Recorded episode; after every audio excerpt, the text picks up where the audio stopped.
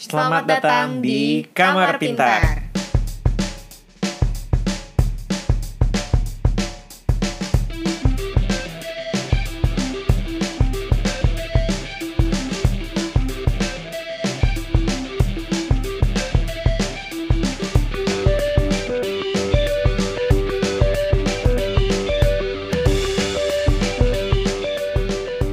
What's up? What's right? What's down? What's left? Selamat datang kembali di Kamar Pintar, sebuah podcast mingguan yang akan membahas apa eh, hal-hal menarik Apa? dari berbagai bidang, dari barat sampai ke timur, dari utara ke selatan, dari masa lalu sampai masa yang akan datang, and everything in Yeah. between. Hari ini ada aku, Ano, dan Aku Sasa. hari ini kita mau bahas tentang apa Nisa? tentang ketawa ya. Iya kayak orang udah enak banget dengerin ketawa aku. Itu kayak ketawa nervous gitu gak sih? Iya. Oke. Hmm, aku nggak tahu sih eh, episode ini tuh bakal diuploadnya tanggal berapa, tapi semoga masih relevan sama berita yang muncul berapa ya? Beberapa minggu Sebulan yang ya? lalu. Ya. Iya, beberapa minggu yang lalu tentang sebuah kosan Hmm. yang udah ditinggal dua bulan ternyata dalamnya tuh full sama barang-barang sampai bahkan katanya ada tikusnya. Hmm, jadi Pokoknya super super berantakan gitu dalamnya. mungkin boleh ada cerita sekilas dikit Sa, kayak ini kosan kenapa nih tiba-tiba viral gitu. Jadi sebuah kosan ini udah kosong ya, kosong bukan sih? Pokoknya kayak di udah kosong selama dua bulan. Terus tiba-tiba Tapi sebenarnya masih disewa kan? Iya, masih si disewa. Penyewanya. Uh-uh, Nah. cuman penyewanya tuh udah nggak di situ. Hmm. Terus sampai suatu saat uh, aku lupa ini roommate-nya atau penghuni baru di kosan itu. Hmm. Pas begitu masuk ke dalam kamarnya tuh ternyata penuh banget Kayaknya sama kalau nggak semua salah yang barang. jaga, apa yang jaga kosnya tuh kayak Oh. mau bersihin gitu karena ada apa ada peng- penghuni, yang, Penghuni baru yang mau masuk. mau masuk uh, Terus ternyata dalamnya tuh penuh banget sama semua barang-barang yang kayak nggak jelas pokoknya benar-benar barang-barang hmm, banyak sampah dan banyak kayak sampah. Hmm. apa botol-botol Mm-mm. air mineral Terus kayak kayak beneran sampah sih Hmm. kalau kalau dilihat kalau misalkan kalian mau cari itu tuh kayak bener-bener kayak plastik-plastik kayak dan bahkan katanya tuh sampai ada tikusnya Hmm. saking kotornya. Hmm. Terus udah gitu eh, ini viral karena orang tuh nggak ngerti kayak kenapa sih orang bisa sampai begitu sampai Sejorok itu, sejorok itu, iya. kayak dia kan tinggal di situ kan Hmm, berarti kayak hmm. dua bulan yang lalu dia kan di situ tapi Hmm. kenapa dia bisa tidur di antara semua barang-barang itu kan? Hmm, itu ada ini gak sih kaitannya sama depresi gitu? Kadang kan kalau orang yang lagi depresi berat dia kayak jadi males Hmm. bersih bersih kayak mau buang sampah ke depan aja males gitu. Gak tau sih. Jadi gimana nih Sa?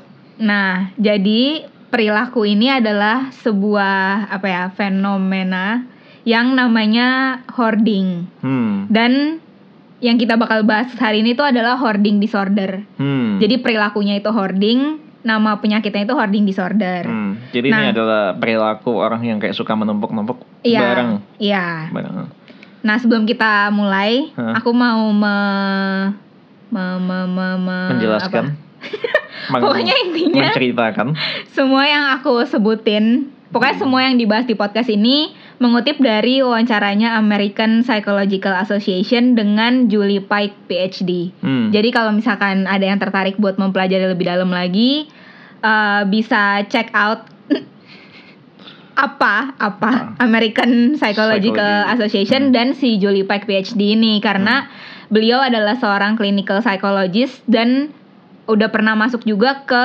reality show yang namanya judulnya Hoarding Buried Alive Hmm. di TLC. Jadi si reality show ini tuh isinya dia kayak mendokumentasikan orang-orang yang tinggal penyakit ya mental. yang punya Oh. hoarding disorder Oh. dan tinggal di rumah yang benar-benar penuh banget sama semua barang-barang itu. hmm. Nah, ini tuh juga menarik banget sih kalau misalkan ada yang pengen lihat kayak sebenarnya kayak apa sih uh, rumah orang yang memiliki hoarding disorder ini. Itu kalau kalian search hoarding buried alive tuh kayak langsung muncul kayak gambar-gambar rumah yang kayak full banget sama Hmm. kayak bahkan saking fullnya tuh aku sampai kayak gak percaya ada orang yang bisa tinggal di situ Ah. gitu loh. Nah, terus batuk bu. Terus di sini tuh aku bakal banyak sebut uh, orang dengan penyakit hoarding disorder kan. Ah. Jadi aku juga mau sekalian raise awareness karena ini kan 2020 kita harus woke dan sadar dengan isu sosial. Jadi kita tuh uh, kalau menyebutkan orang dengan mental illness, Hmm. kita nggak boleh pakai kata hoarder Oh. dalam mendeskripsikan orang itu. Iya, tapi Jadi padahal aku baru kayak mau ngomong wah daripada saya nyebutnya panjang gitu mending saya sebutnya hoarder dia gitu. Nah, karena kalau kita sebut hoarder tuh ibaratnya kayak kita langsung ngecap seseorang itu dengan satu identitas doang. Kayak dia tuh Ah. hoarder gitu. Padahal sebenarnya uh, seseorang tuh bisa punya banyak traits lain, kayak punya hal positif lain selain hoarder. Hmm. Dia kayak bisa aja dia ada ada sesuatu yang lain. Tapi Hmm. kalau kita sebut kayak dia tuh hoarder, berarti dia tuh kayak cuman cuman hoarder doang, kayak dia udah nggak ada identitas lain lagi gitu Hmm, Oke. sama kayak alkohol uh, orang yang kecanduan, Kecanduan. alkohol juga kita katanya sekarang udah nggak boleh sebut alkoholik Hmm. atau kayak addict itu udah nggak boleh Ah. karena orang kayak seseorang tuh bisa punya banyak hal lain selain yang yang kecanduan itu Hmm. kayak gitu deh jadi makanya kalau kita sebut orang itu kita mesti bilangnya orang yang mengidap bla bla bla Hmm. gitu begitu deh Oke. nah jadi si ini kita lanjut ke hoarding disorder ya Iya. Jadi hoarding disorder itu adalah sebuah fenomena di mana pengidapnya itu ngumpulin banyak banget barang sampai mereka tuh nggak bisa gunain fasilitas yang ada di rumahnya Hmm. karena ketutupan barang-barang. Mhm. Kayak bener-bener kayak semua kayak bahkan eh, apa ya toilet, keran, kompor semua tuh kayak penuh banget sama barang-barang sampai kayak sampai itu nggak bisa dipakai lagi Hmm. karena udah kepenuhan barang. Nah eh, sebenarnya sekarang tuh banyak orang yang kayak memberikan stigma yang ringan terhadap hoarding disorder kayak sering bilang kayak I'm such a hoarder. Padahal Ah. kita misalkan kita cuman kayak Lagi sering beli makeup. Iya. Ah, iya, lagi. Iya, atau Ah. misalkan kamar kita berantakan atau misalkan eh, kita gak bisa berhenti beli makeup Hmm. atau kayak misalkan aku kan sering sering banget beli stiker. Terus udah Hmm. gitu aku bilang kayak I'm a sticker hoarder gitu kayak Hmm. hoarder tuh kayak di apa ya di Dianggap sebagai sesuatu yang kayak diremehkan gitu. Heeh. Kayak orang-orang yang kayak misalkan gak tahan sama barang miring dikit terus kayak aduh nggak bisa nih gue OCD Hmm. kayak gitu tapi sebenarnya kalau orang yang bener-bener OCD tuh jauh lebih berat daripada itu Iya. jauh lebih daripada sekedar nggak bisa lihat barang Ah. miring tapi mereka tuh kayak bener-bener kayak gak bisa berhenti cuci tangan gitu Hmm. kayak jauh lebih parah tapi sedangkan orang-orang tuh kayak self diagnose Iya. bilang kayak gila gue hoarder banget nih gila gue Hmm. OCD banget nih kayak gitu Kalau yang OCD tuh bahkan dia kayak bisa misalnya nih kunci apartemen terus kayak Hmm. dia bisa bolak-balik tuh sampai Iya, tiga kali Iya, gitu. bisa kayak ngecek lagi, ngecek lagi. Hmm. Terus kayak cek kompor, kayak Hmm. mereka tuh benar-benar nggak bisa berhenti gitu. Sedangkan kalau kita tuh kayak barang miring gitu, kita kayak aduh gila, gue OCD Hmm. banget nih kayak gitu kan.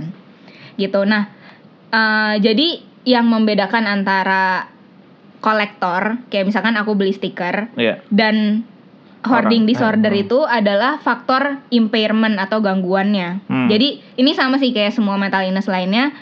eh, hal yang bisa bikin seseorang tuh masuk ke dalam kategori disorder adalah ketika kegiatan yang dilakukan itu menghasilkan masalah atau bahaya di dalam kehidupan orang tersebut. Hmm. Jadi kayak misalkan kita nggak bisa lihat barang miring, Hmm. terus kita lurusin, ya udah kan selesai gitu Hmm. aja. Tapi itu akan masuk ke dalam disorder kalau sampai eh, hidup kita tuh jadi terganggu akan hal itu. Iya, iya, iya. Nah, sama juga kayak hoarding disorder ini. Jadi, misalkan saking banyaknya barang tuh rumahnya sampai jadi banyak binatang. Kayak Hmm, contohnya si kosan itu kan iya, sampai kayak ada ada tikusnya, tikusnya. kan. Terus eh, misalkan penuh banget sampai kita nggak bisa jalan atau jadi bahaya kayak bisa keinjak barang-barang tajam atau bisa kepleset Hmm. atau misalkan terutama uh, orang tua ya Hmm. kayak kan bisa aja kepleset karena tiba-tiba ada plastik di jalanan kayak gitu gitu kan Di jalanan. Bukan salah dia kalau di jalanan. di dalam rumahnya. Iya maksudnya di jalanan rumahnya Di- di jalanan di dalam ya di lantainya di lantainya terus atau kayak jadi nggak bisa pakai peralatan tertentu Hmm. atau uh, karena kotor banget sampai menyebabkan gangguan kesehatan Hmm, kayak iya, gitu iya. jadi levelnya tuh harus sampai dia tuh ada menyebabkan gangguan, Gangguan dalam baru itu dia, iya. Hmm, baru bisa jadi hoarding disorder tapi emang kenyataannya yang benar-benar udah didiagnos sebagai hoarding disorder tuh benar-benar parah banget sih Hmm. kayak pokoknya jauh melebihi dari apa pun yang bisa kita bayangkan lah saking penuhnya itu gitu nah kebanyakan orang-orang yang hoarding ini mereka tuh ngumpulin barang-barang yang sebenarnya menurut orang lain itu nggak ada artinya. Hmm. Tapi menurut dia tuh itu barang yang penting gitu. Kayak eh, biasanya dimulai dengan pikiran kayak sayang kalau dibuang. Hmm, hmm, hmm. Tapi terus lama-lama tuh jadi numpuk Iya. dan eh, dia tuh akan semakin menumbuhkan rasa untuk nyimpen barang-barang itu karena dia kayak kayak dia tuh nggak punya kemampuan untuk buang barangnya gitu kayak dia sayang gitu nah eh, contoh barang-barang yang paling common untuk dikumpulin oleh orang yang hoarding disorder adalah misalkan koran Hmm. surat ini ini ini berdasarkan eh, ini ya kayak Survei. Mm-mm, kayak orang-orang yang hoarding tuh biasanya barang-barangnya tuh ini yang paling banyak ditemukan di Ah. rumah di rumahnya mereka. Surat, koran, bon, kan Hmm. banyak kan yang suka ngumpulin bon-bon bekas gitu kan. Kayak kalau belanja tuh bonnya nggak pernah dibuang. Terus pakaian, terus kontainer atau kotak-kotak plastik, Hmm. kantong plastik, eh, sendok plastik, pokoknya kayak plastik-plastik. Terus tapi ada juga yang aku lumayan kaget adalah ternyata ada yang hoarding hewan. Hmm. Jadi rumahnya tuh full dengan binatang peliharaan. Nah, tapi bedanya orang yang emang pencinta binatang sama orang yang hoarding itu balik lagi ke tingkat keamanannya. Jadi sebenarnya kan banyak juga eh, orang-orang yang cinta banget sama hewan sampai rumah kam- sampai dia tuh kayak pelihara belasan kucing gitu Ah. misalkan. Nah, tapi tuh mereka tuh pasti tetap memperhatikan kesehatan binatang Iya, itu kayak divaksin, Iya. dikasih makanan yang layak. terus dibawa ke salon, Ah. kayak kayak dimandiin, kayak gitu-gitu kan. sendiri. Iya. Nah, kalau yang begitu itu beneran, beneran Hmm, dia tuh emang hewan. Mm-mm, emang pencinta hewan. Tapi kalau hoarding disorder itu mereka tuh cuman eh, Ada mau aja ya. tersendiri kalau dia bisa menumpuk. Mm-mm. Kayak dia tuh mau aja ada binatang di rumah dia gitu, tapi dia tuh nggak mikirin eh, kayak sistem apa ya kayak makanannya, terus kayak kebersihannya, terus kayak eh, kayak biasa kan kalau punya banyak hewan tuh pasti harus mikirin kayak harus disteril, Hmm. terus kayak nggak boleh crossbreed kayak gitu-gitu kan. Hmm. Nah tapi kalau yang hoarding tuh dia nggak memikirkan itu, dia kayak cuman mau ada binatang aja gitu, tapi dia nggak Iya. mikirin eh, semuanya Ah, yang harus di dampak yang harus dipikir. Iya, yang kayak harus kewajiban kewajibannya dipertimbang. Ah, itu iya. nggak dipikirin. Begitu. Jadi eh iya jadi itu kayak kayak yang membatasi antara level hoarding dan orang yang suka. emang suka mengumpulkan Mm-mm, itu adalah si eh, bahayanya itu Hmm. kayak concern terhadap bahayanya gitu. Oke. Nah, eh, ini juga salah satu perbedaan yang menurut aku signifikan juga sih antara hoarding dan kolektor. Itu biasanya kalau kolektor tuh pasti dia bangga dengan apa pun yang dia koleksi. Hmm. Dan barang-barang itu tuh pasti disayang, kayak dibersihin. Iya, iya. Terus iya. kayak misalkan koleksi perangko gitu. Hmm. Biasanya kayak dimasukin ke map. eh, ke iya iya ke Iya kan? folder gitu. Mm-mm, terus kayak piring-piring biasanya pasti dipajang Ah. kayak gitu-gitu kan kalau yang kolektor ya Ah. kayak itu tuh barang-barang yang memang valuable Hmm. gitu tapi sedangkan kalau yang hoarding disorder itu mereka tuh cuman kumpulin doang ditumpuk aja dan gak dirawat nggak Hmm. dibersihin nggak di display Hmm, tapi Karena- tetap dengan mindset mereka takut suatu saat butuh gitu misalnya. iya kayak dia tuh cuman pengen punya barangnya gitu tapi nggak nggak dijaga Dan kayak kayak kalau kantong plastik gitu-gitu kan juga gimana displaynya ya kayak Iya. ya udah kayak bertebaran aja di rumahnya gitu. Begitu itu itu tentang eh itu overview tentang si hoarding disorder. Nah terus eh, sebenarnya apa sih yang menyebabkan orang tuh bisa bisa punya tendensi untuk hoarding disorder? Apa? Mm. karena itu yang sayang kalau suatu saat bakal butuh gitu. Hmm. Itu itu awalnya. Eh, itu itu symptomsnya itu symptomsnya Oh. Tapi yang bikin mereka eh yang bikin seseorang bisa memiliki hoarding disorder adalah eh sebenarnya ini tuh masuk ke dalam mental illness kan. Hmm. Dan sama seperti mental illness lainnya, itu tuh berdasa- berasal dari adanya kelainan di otaknya. Hmm. Nah, eh, kalau hoarding disorder, bagian yang diserang adalah kromosom 14. Apa jadi tuh? jadi kan manusia kan terdiri dari Banyak 20 kromosom. eh 21 ya? Eh 21 atau 22 kromosom ya? Nggak tahu. Oh my god. Ya pokoknya kita tuh kayak terdiri dari sekian jumlah kromosom dan masing-masing itu punya punya perannya masing-masing dan biasanya eh, kalau salah satu kromosom itu mulai eh bukan mulai eh, kromosom itu tidak berfungsi sebagai yang seharusnya Hmm. orang itu tuh pasti akan ada gangguan gangguan mental, Mental. atau disorder atau kayak banyak banget disorder disorder Hmm. yang disebabkan oleh si Rusaknya kromosom. kromosom. Nah, kalau si hoarding disorder ini, itu kromosom yang diserang adalah yang nomor 14. Hmm. Nah, si kromosom 14 ini fungsinya untuk memproses informasi dan mengambil keputusan. Hmm. Itu fungsi dari kromosom 14. Nah, karena si nomor 14 ini yang diserang, orang ini tuh akan jadi nggak mampu untuk mengambil keputusan yang benar. Hmm. Jadi makanya Termasuk dia keputusan kayak misalnya harus makan apa. Jadi makanya dia nggak bisa ngambil keputusan untuk uh, nyimpen atau ngebuang barang. Hmm. Karena dia nggak tahu barang mana harus disimpan, barang mana harus dibuang. Hmm. Karena si kromosom yang harusnya berfungsi untuk ngambil keputusan nggak berfungsi dengan baik gitu.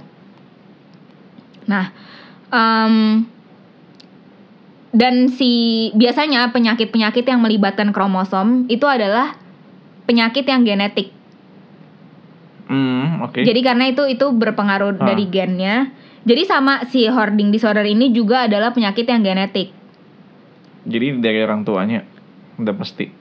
Eh, belum tentu dari orang tuanya tapi it runs in the family gitu. Jadi Ah. kalau misalkan eh, ada orang yang punya keluarga eh gimana ya cara ngomongnya? Ada orang yang anggota keluarganya hoarding disorder, orang itu akan punya kemungkinan lebih tinggi untuk hoarding disorder juga. Hmm. dibanding orang yang yang di keluarganya tuh nggak ada yang hoarding Hmm. sama sekali gitu.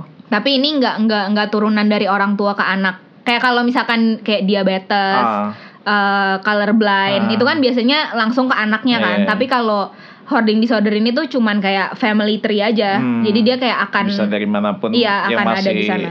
darahnya mengalir gitu ya. Iya. Kayak anak kembar gitu. Iya, kayak anak kembar. Aku baru pengen ngomong. Begitu.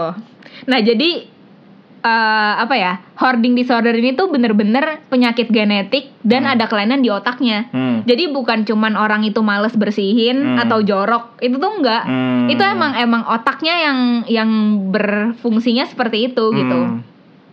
Jadi makanya kita nggak bisa maksa orang untuk kayak udahlah beresin aja, udahlah buang aja apa susahnya sih kayak rapin aja itu tuh nggak bisa karena emang itu tuh ada ada kelainan di otaknya yang bikin dia tuh nggak bisa melakukan itu Hmm. gitu. Nah terus si ini ini side note fun Oke. facts kromosom 14 ini juga yang menyebabkan orang itu mengidap ADHD dan OCD. Ah, oh oke.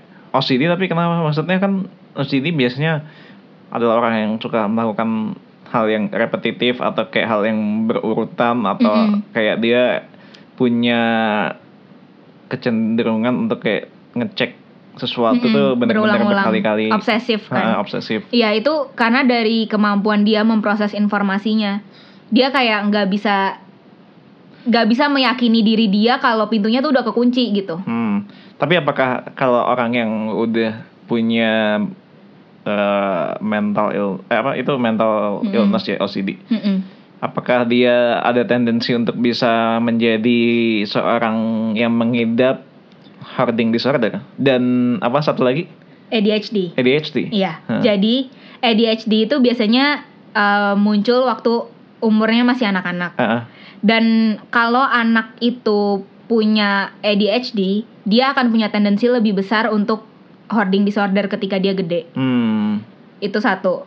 Nah, kalau yang OCD, Hmm. itu kan Nano nanya kayak kalau OCD dia mungkin gak hoarding juga, Hmm. ya kan? Hmm. Nah, fun facts lagi, Hmm. dulu eh, hoarding disorder itu adalah turunan dari OCD. Di Hmm. American Psychological Association ini, Hmm. hoarding itu dulu bukan satu mental illness mandiri terpisah Hmm, sendiri, Mandiri. tapi dia tuh kayak salah satu kayak turunan dari OCD. dari OCD. Iya. Ah. Jadi dia tuh eh, nggak berdiri sendiri dulu. Ah. Jadi eh orang kalau dulu itu orang yang suka ngumpulin barang, suka beli-beli barang nggak bisa berhenti, Hmm. itu tuh dimasukin ke dalam OCD juga. Hmm. Karena OCD kan juga melakukan hal secara berulang-ulang. Iya, iya, iya. Nah, tapi bedanya kan kalau hoarding itu dia ngumpulin kayak dia tuh kayak uh, punya keterikatan terhadap barang. Hmm. Nah, itu yang akhirnya memisahkan dia dari OCD. Hmm. Tapi kalau dulu tuh dia masih dicap sebagai bagian dari OCD karena yang dilihat adalah uh, dia tuh perilaku perilakunya yang repetitif. Ya repetitif dalam hal nyimpen-nyimpen barang-barang nggak Hmm. penting itu. Hmm. Kayak gitu. Ya begitu. nah, uh, terus si hoarding disorder ini kan adalah kayak apa ya? Maksudnya kalau kita lihat tuh itu tuh sesuatu yang kayak nggak nyaman kan? Kayak maksudnya kayak kita pasti nggak nyaman lah tinggal di tempat yang kayak begitu, Penuh, ha. yang kayak bahkan ranjangnya aja tuh Iya, full iya. sama barang gitu loh. Kayak Ha. kita tidur aja tuh nggak bebas gitu. Iya. Pasti kita akan mikir kayak kok bisa sih orang tidur atau tinggal di tempat yang sekotor itu. Hmm. Nah, eh ini memungkinkan untuk Hmm. orang yang hoarding disorder Hmm. karena ini aku nyentuh dikit dari dua episode sebelumnya kan kita sebut tentang dopamin, sebuah zat yang membuat orang tuh bahagia Hmm. kan. Si eh, orang yang hoarding disorder ini ketika otaknya di scan, dia itu produksi dopaminnya meningkat ketika dia mendapatkan barang baru Oh, oke. atau dia nyimpen barang baru. Heeh. Kayak misalkan dia beli eh, dia beli plastik super super banyak gitu. Hmm. Dopaminnya tuh meningkat Hmm. pas di scan. Jadi kalau kita mikir kayak gila itu kan gak nyaman banget. Tapi menurut mereka itu tuh nyaman gitu. Karena eh, otaknya tuh memproduksi dopamin. Jadi hal-hal yang menurut kita aneh, menurut mereka itu menyenangkan Hmm. gitu. Jadi eh, ngumpulin barang, nyimpen-nyimpen itu semua, itu tuh hal yang menyenangkan buat mereka. Jadi makanya kebanyakan orang yang memiliki hoarding disorder itu nggak akan sadar kalau itu tuh berbahaya Hmm. atau itu tuh adalah sebuah penyakit karena dia seneng Iya, iya, dia iya. nggak tahu kalau ada yang salah dengan diri dia Iya, iya. Dan biasanya orang yang nyadar itu adalah orang yang tinggal di sekitarnya atau Hmm. keluarganya yang kayak begitu datang ke rumahnya tuh kayak gila penuh banget gitu Iya. kayak gitu jadi biasanya tuh orang-orang di sekitarnya yang menyadarkan dia gitu nah speaking of orang-orang di sekitarnya jadi kebanyakan barang yang disimpan oleh eh, hoarding disorder itu kan adalah barang yang dinilai nggak penting kan Hmm. kayak plastik koran gitu-gitu nah biasanya tuh orang-orang di sekitar mereka pasti akan merendahkan atau ngejek atau maksa untuk buang Iya. kayak ngapain sih simpen plastik kayak gini ngapain Ah. sih ini koran udah dari 50 tahun yang lalu masih disimpan gitu kan terutama apalagi kalau dia tinggal serumah pasti kayak nggak mungkin tahan dong kayak Iya. udahlah ini nggak usah disimpan ayolah dibuang aja kayak gitu kan nah tapi tuh ini penting untuk diperhatikan terutama buat orang-orang yang menghadapi Orang dengan orang dengan hoarding disorder adalah jangan maksa atau bahkan diam-diam ngebuang barang itu Hmm. karena uh, kayak bahkan si Julie Pike PhD tadi dia tuh bilang kalau ngebuang barang yang dimiliki oleh mereka itu adalah hal terburuk yang bisa kita lakukan Ah. dan banyak banget kasus di mana uh, orangnya tuh jadi depresi dan Hmm. bahkan ada yang bunuh diri Hmm. ketika barang-barang itu tuh dibuang karena biarpun menurut kita barang itu nggak penting tapi menurut mereka itu tuh penting banget itu tuh kayak sesuatu yang yang kayak kita juga pasti nggak seneng dong kalau barang kita tiba-tiba dibuang Iya. kan heeh. nah ini lebih-lebih lagi apalagi karena hoarding disorder tuh kayak punya keterikatan yang lebih terhadap barang gitu yang kayak lebih dari sekedar kita suka sama baju baru gitu mereka tuh kayak Hmm. punya keterikatan yang lebih jadi makanya jangan pernah eh, maksa atau tiba-tiba ngebuang barang Diam-diam. iya diam-diam itu kayak bakalan memperparah Parah. sih Hah. dan kayak setelah kita buang dia juga pasti akan beli lagi Iya. kayak iya, itu nggak iya. menyelesaikan masalah gitu. Nah, kalau kita lihat dari perspektif orang yang memiliki hoarding disorder, mereka tuh eh, biasanya juga punya perasaan kayak dia nggak bisa ngelihat space kosong. Hmm, harus akui. Iya, horror vakui. Jadi kayak misalkan lacinya belum penuh nih. Artinya tuh harus diisi sama Ah. barang. Kayak dia nggak akan nggak akan tenang deh kalau misalkan masih ada space yang kosong. Terus ya gitu jadi apa pun yang dia miliki tuh rasanya belum eh, nggak akan cukup Hmm. karena kayak dia dia pengen untuk selalu isi rumahnya. Terus ada juga yang eh, ini ini mungkin akan sulit untuk relate ya, tapi eh, ada yang trauma yang punya trauma di masa lalu, terus dia jadi ngerasa cara untuk merasa aman adalah dengan dikelilingi dengan barang-barang dia. Ah. Jadi eh, apa ya? Kayak sense of security dia tuh dengan dikelilingi oleh Hmm. barang-barang gitu. Hmm. Karena dia kayak punya trauma di masa lalu, jadi dia tuh kayak nggak bisa di ruangan yang kosong. Trauma apa pun. Tra- banyak trauma yang bisa ya mungkin menyebabkan kayak brain damage gitu. Kayak kita kan kayak nggak akan pernah tahu kayak Iya, iya, iya. kesulitan apa yang pernah terjadi, tapi itu bisa kayak bikin brain damage di mana dia tuh jadi nggak bisa ada di ruangan yang kosong gitu. Hmm. Jadi dia kayak mau eh, pokoknya dia harus dikelilingi oleh barang-barang gitu. Nah terus ada yang unik. Jadi biasanya eh, orang yang hoarding ini itu adalah orang-orang yang punya tendensi perfeksionis. Kayak pasti bingung kan kayak kok rumah tuh berantakan itu dibilang perfeksionis. Hmm. Nah, mereka tuh perfeksionis dari aspek pengambilan keputusannya. Jadi, mereka tuh takut untuk ngambil keputusan yang salah ketika mereka memilah-milah barang. Hmm. Jadi, mereka takut buat ngebuang barangnya. Karena mereka overthink terhadap barang tersebut dan takut suatu saat tuh barangnya akan kepake lagi. Jadi makanya mereka nggak akan pernah ngebuang barangnya. Tapi bukannya perfectionist tuh perfect ya. Berarti bener-bener 100 per 100 jadi kayak mulai dari kebersihan juga 100 harusnya. Pengambilan keputusan Hmm. yang tepat juga 100. Makanya kadang aku kayak mikir kalau orang yang misalnya eh, dia kerjaan nggak bisa tepat waktu. Alasannya Hmm. karena dia perfeksionis. Padahal menurut aku kayak kalau emang Anda perfeksionis ya berarti dari segi waktu juga harusnya perfect dong. Namanya aja perfect Hmm. gitu. Iya iya iya, aku ngerti sih maksudnya Ano.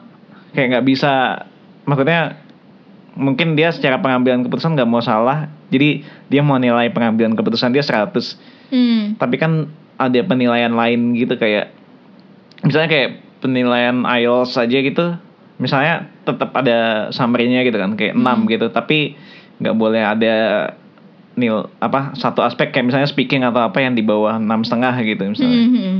Kayak dia dia harusnya punya standar yang yang tinggi gitu kan. bener-bener semuanya 100 gitu setiap Ah. aspek gitu kalau menurut aku sih Ah, ah, ah, um, ah.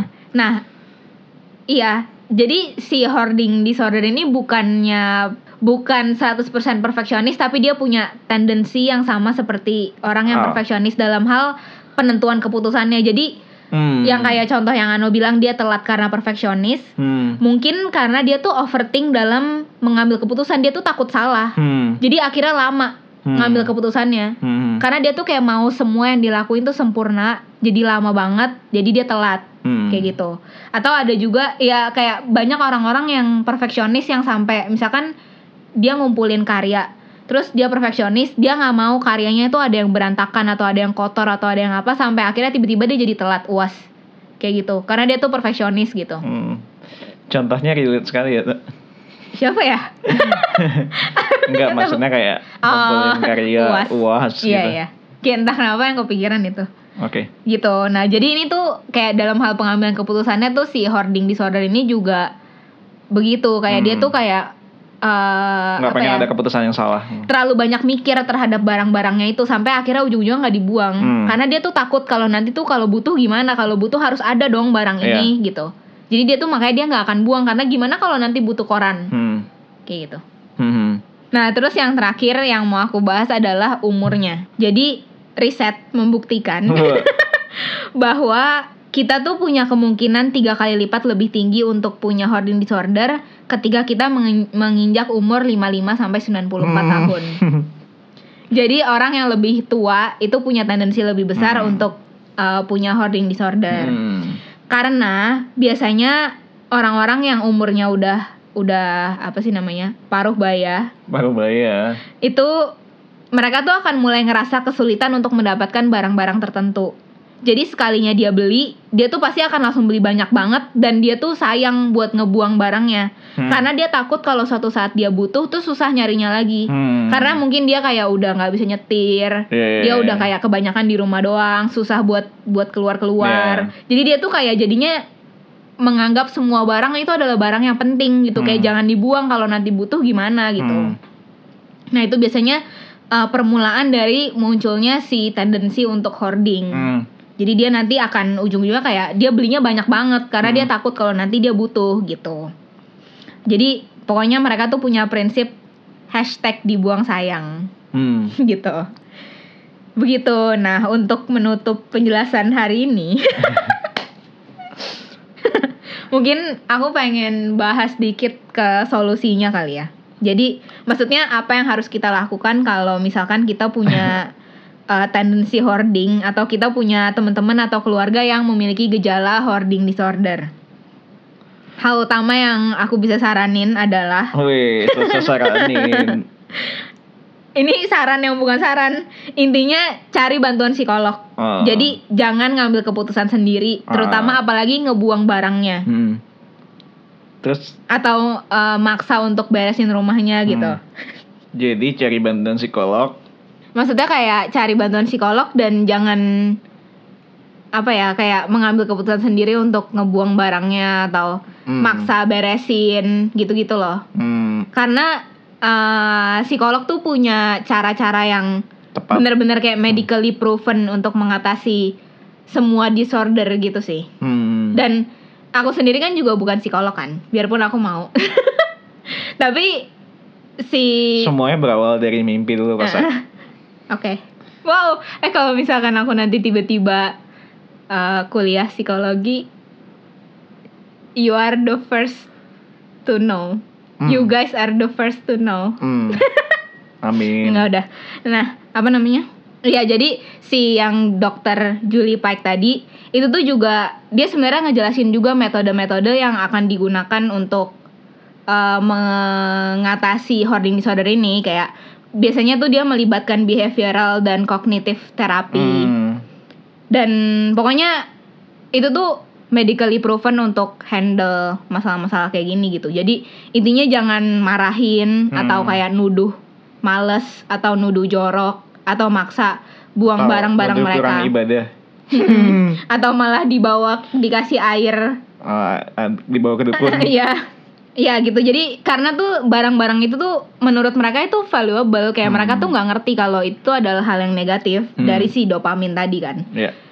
gitu jadi sama aja kayak kalau kita suka sama barang terus Hmm. tiba-tiba dibuang orang kan pasti kita bakal kesel kan Hmm. gitu jadi makanya jangan sotoy dan kayak buang barang-barangnya gitu jadi mendingan langsung Bawa ke psikolog. iya bawa ke psikolog apalagi kalau itu udah benar-benar membahayakan mereka Hmm. ya Tapi gimana cara untuk meyakinkan orang kan kadang kalau orang yang punya mental disordernya kayak nggak ngerasa dia sakit kan? iya Hmm.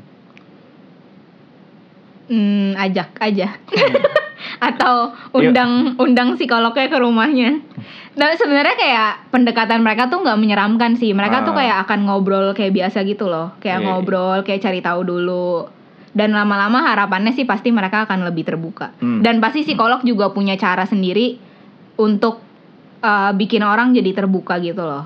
Kayak dengan apa ya bahasa-bahasa magic yang digunakan Bahasa magic. gitu. Ya ya ya. ya. Oke oke oke oke.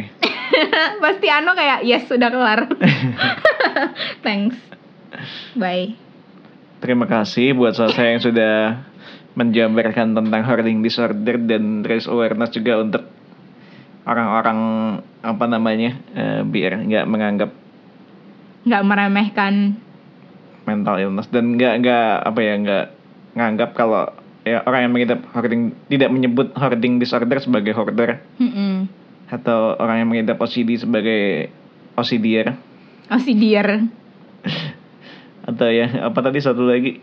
Alkoholik. Alkoholik iya. Mm-mm. gitu. Iya. Sebenarnya ini kayak un- ini berlaku untuk semua mental illness sih. Hmm. kayak jangan uh, meremehkan dan nganggep kayak ya Jangan udahlah jangan depresor males. gitu kayak ya udahlah jangan males ya udahlah bangun aja apa susahnya sih kayak gitu hmm. kayak itu tuh much more than that gitu loh Hmm. yang kita nggak ngerti dan Hmm. semua itu tuh terbukti dari otaknya aja tuh udah emang beda. beneran Iya. beda gitu kayak itu tuh bukan cuman mereka lebay-lebayin doang kayak Hmm. beneran ada sesuatu yang harus dibantu gitu yeah Jadi buat kalian di luar sana yang masih bingung apa yang harus dilakukan kalau misalnya mungkin kalian punya teman yang uh, mengidap mental illness apa pun ajakin ke psikolog atau kayak suruh psikolognya menyamar aja gitu jadi Jadi temen. teman lain gitu Hai Jeng, Hmm. aduh gila Jeng rumahnya. thanks thanks terima kasih buat kalian yang udah dengerin jangan lupa dengerin kamar sebelah ada kamar Creative with dan Ano and Grady and Jenny. Yes, jangan lupa follow Instagram kita di @kamartsinier.id kalau kalian ada saran, kritik, ide, eh, apa lagi? Kirim ke DM kita aja di Mm-mm. kamartsinier.id tadi di Instagram. Terus jangan lupa sebarin ke teman-teman kalian kalau kalian merasa ini bermanfaat. Sampai jumpa minggu depan. Dadah.